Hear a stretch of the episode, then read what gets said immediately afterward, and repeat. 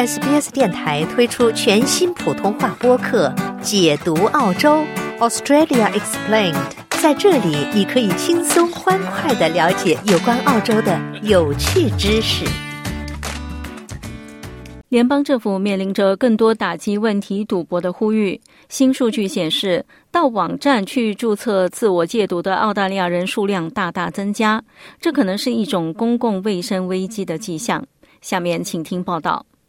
堪培拉六个孩子的母亲凯特·塞塞尔贾表示，十四年来赌博占据了她的生活。I wasn't aware of it. I hadn't um, been educated around it, and like many Australians, it blindsided me.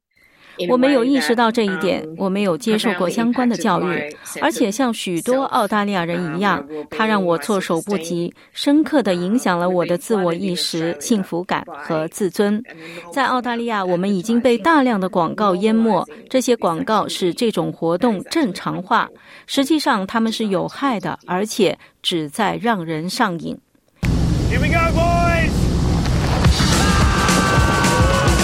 Your sports footy. Yeah, football. What do you mean by football? Tab, we're on. 这些广告和澳大利亚人对体育的痴迷密切相关。近年来，在线博彩变得越来越流行。现在已经有超过一万八千名澳大利亚人在国家自我戒赌登记册 BetStop 上注册，其中绝大多数年龄在四十岁以下。社会服务部长阿曼达·里什沃斯表示：“BestStop 的强劲普及令人欣喜，并辅以强制预先验证，有助于确保人们不会找到变通的方法进行投注。尽管采用率很高，但是迪肯大学教授萨曼莎·托马斯表示，数据显示出令人担忧的趋势。” The concerning thing about the figures that we've seen today is not just the volume of people that are self-excluding, but the percentage. 我们今天看到的数字令人担忧的是，这不仅仅是自我戒赌的人数很多，还有年轻人的百分比。这表明我们的年轻人实际上面临着公共卫生危机，政府需要采取更多的措施来加强和保护他们。托马斯教授表示，政府可以采取更多措施来遏制这一趋势。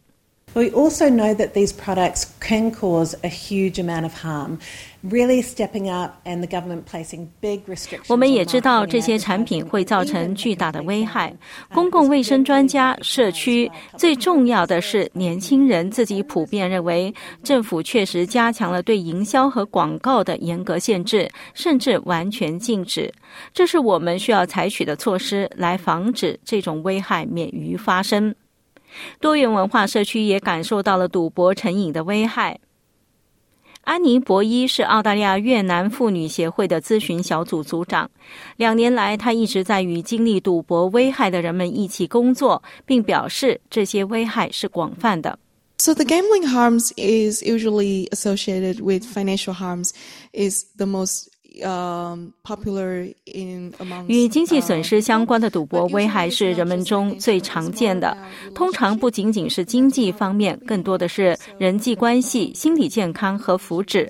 而且从我的经验来看，给家庭造成的问题也很突出。来自华人同伴联系项目的凯文成也注意到了他的社区中的一个新趋势。I'm seeing more younger generations, um people who are studying in high school. 我看到更多的年轻一代在高中读书的人，甚至国际学生，他们可以利用赌博、在线赌博作为和朋友见面、社交、与同龄人建立联系的门户。托马斯教授同意，来自不同背景的人也可能面临风险。One of the things we know about gambling harm and the gambling industry is that they don't discriminate. Um, we know that gambling harm. 赌博危害和赌博行业不排斥任何团体。我们知道赌博危害会影响我们最脆弱的社区。我们当然看到伤害有所增加，特别是对于社会经济地位较低的社区的人来说。但也许更令人担忧的是，该行业正在加剧这些社区的脆弱性。这位部长表示，政府正在考虑去年议会调查的建议，并承认还有更多的工作要做。赌博公司表示，他们已投入数百万澳元，为遭受伤害的人提供财务咨询服务。想听到更多这样的故事吗？您可以通过苹果播客、谷歌播客、Spotify 或者您喜爱的方式下载收听。